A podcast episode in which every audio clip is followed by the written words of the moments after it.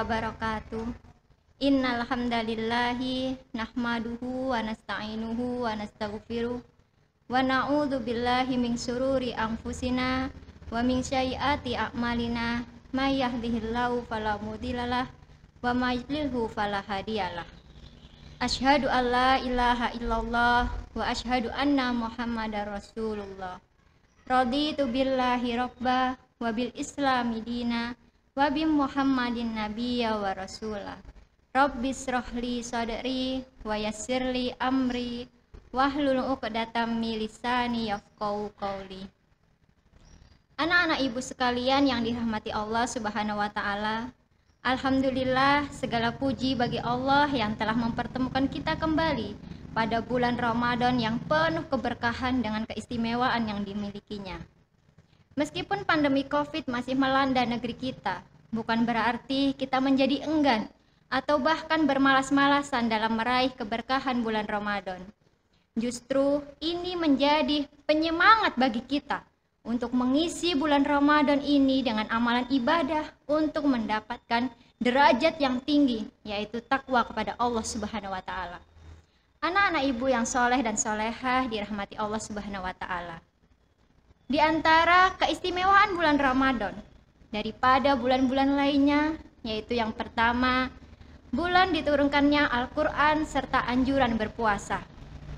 Hal ini sesuai dengan firman Allah dalam Quran Surah Al-Baqarah ayat 185. Dikatakan di sana bahwa bulan Ramadan adalah bulan diturunkannya Al-Quran sebagai petunjuk bagi manusia dan penjelasan mengenai petunjuk dan pembeda antara yang benar dan yang batil. Karena itu, barang siapa di antara kamu ada di bulan itu, maka berpuasalah. Nah, anak-anak ibu sekalian, Mari kita ingat kembali wahyu pertama kali turun, yaitu Iqra, bacalah. Maka mari kita membanyak membaca, membaca Iqra, membaca Al-Quran, atau bahkan mari kita mempelajarinya isi kandungan dari Al-Quran. Adapun keistimewaan yang kedua yaitu bulan pengampunan dosa. Sebuah hadis diriwayatkan oleh Bukhari dan Muslim. Barang siapa yang berpuasa Ramadan karena penuh keimanan dan mengharapkan pahala dari Allah Subhanahu wa taala, maka diampuni dosa-dosanya yang telah lalu. Masya Allah. Mari anak-anakku sekalian kita luruskan niat. Mari kita eh, niat kita yang belum sempurna, mari kita perbaiki bersama.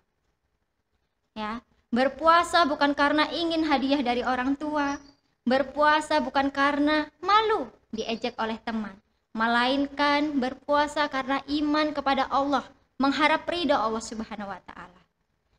Adapun keistimewaan yang ketiga yaitu pintu surga dibuka dan pintu neraka ditutup. Dari Abu Hurairah radhiyallahu anhu, Rasulullah shallallahu alaihi wasallam bersabda, Apabila Ramadan tiba, pintu surga dibuka, pintu neraka ditutup, dan setan dibelenggu. Hadis riwayat Bukhari dan Muslim. Maknanya apa anak-anak ibu sekalian? Maknanya Allah memberikan kesempatan kepada kita untuk mengisi bulan Ramadan ini dengan amalan-amalan yang dapat mengantarkan kita ke surganya Allah. Dengan cara apa? Berpuasa, berkata baik, mendirikan sholat, ya. Kemudian apa lagi? Bisa juga dengan mengulang atau menambah hafalan kita ya, ya yang sudah pernah kita hafalkan. Nah, anak-anak ibu sekalian yang dirahmati Allah Subhanahu wa taala. Mengingat betapa istimewanya bulan Ramadan dengan berbagai kemuliaan di dalamnya, maka sangat disayangkan bila Ramadan tiba dan berlalu meninggalkan kita begitu saja tanpa ada usaha maksimal dari kita untuk meraihnya dengan melakukan berbagai ibadah dan amal soleh. Mari kita isi bulan Ramadan ini dengan perbanyak amalan ibadah sehingga semoga Ramadan tahun ini akan lebih baik dalam hal amalan ibadah dari tahun-tahun sebelumnya. Fastabiqul khairat. Wassalamualaikum warahmatullahi wabarakatuh.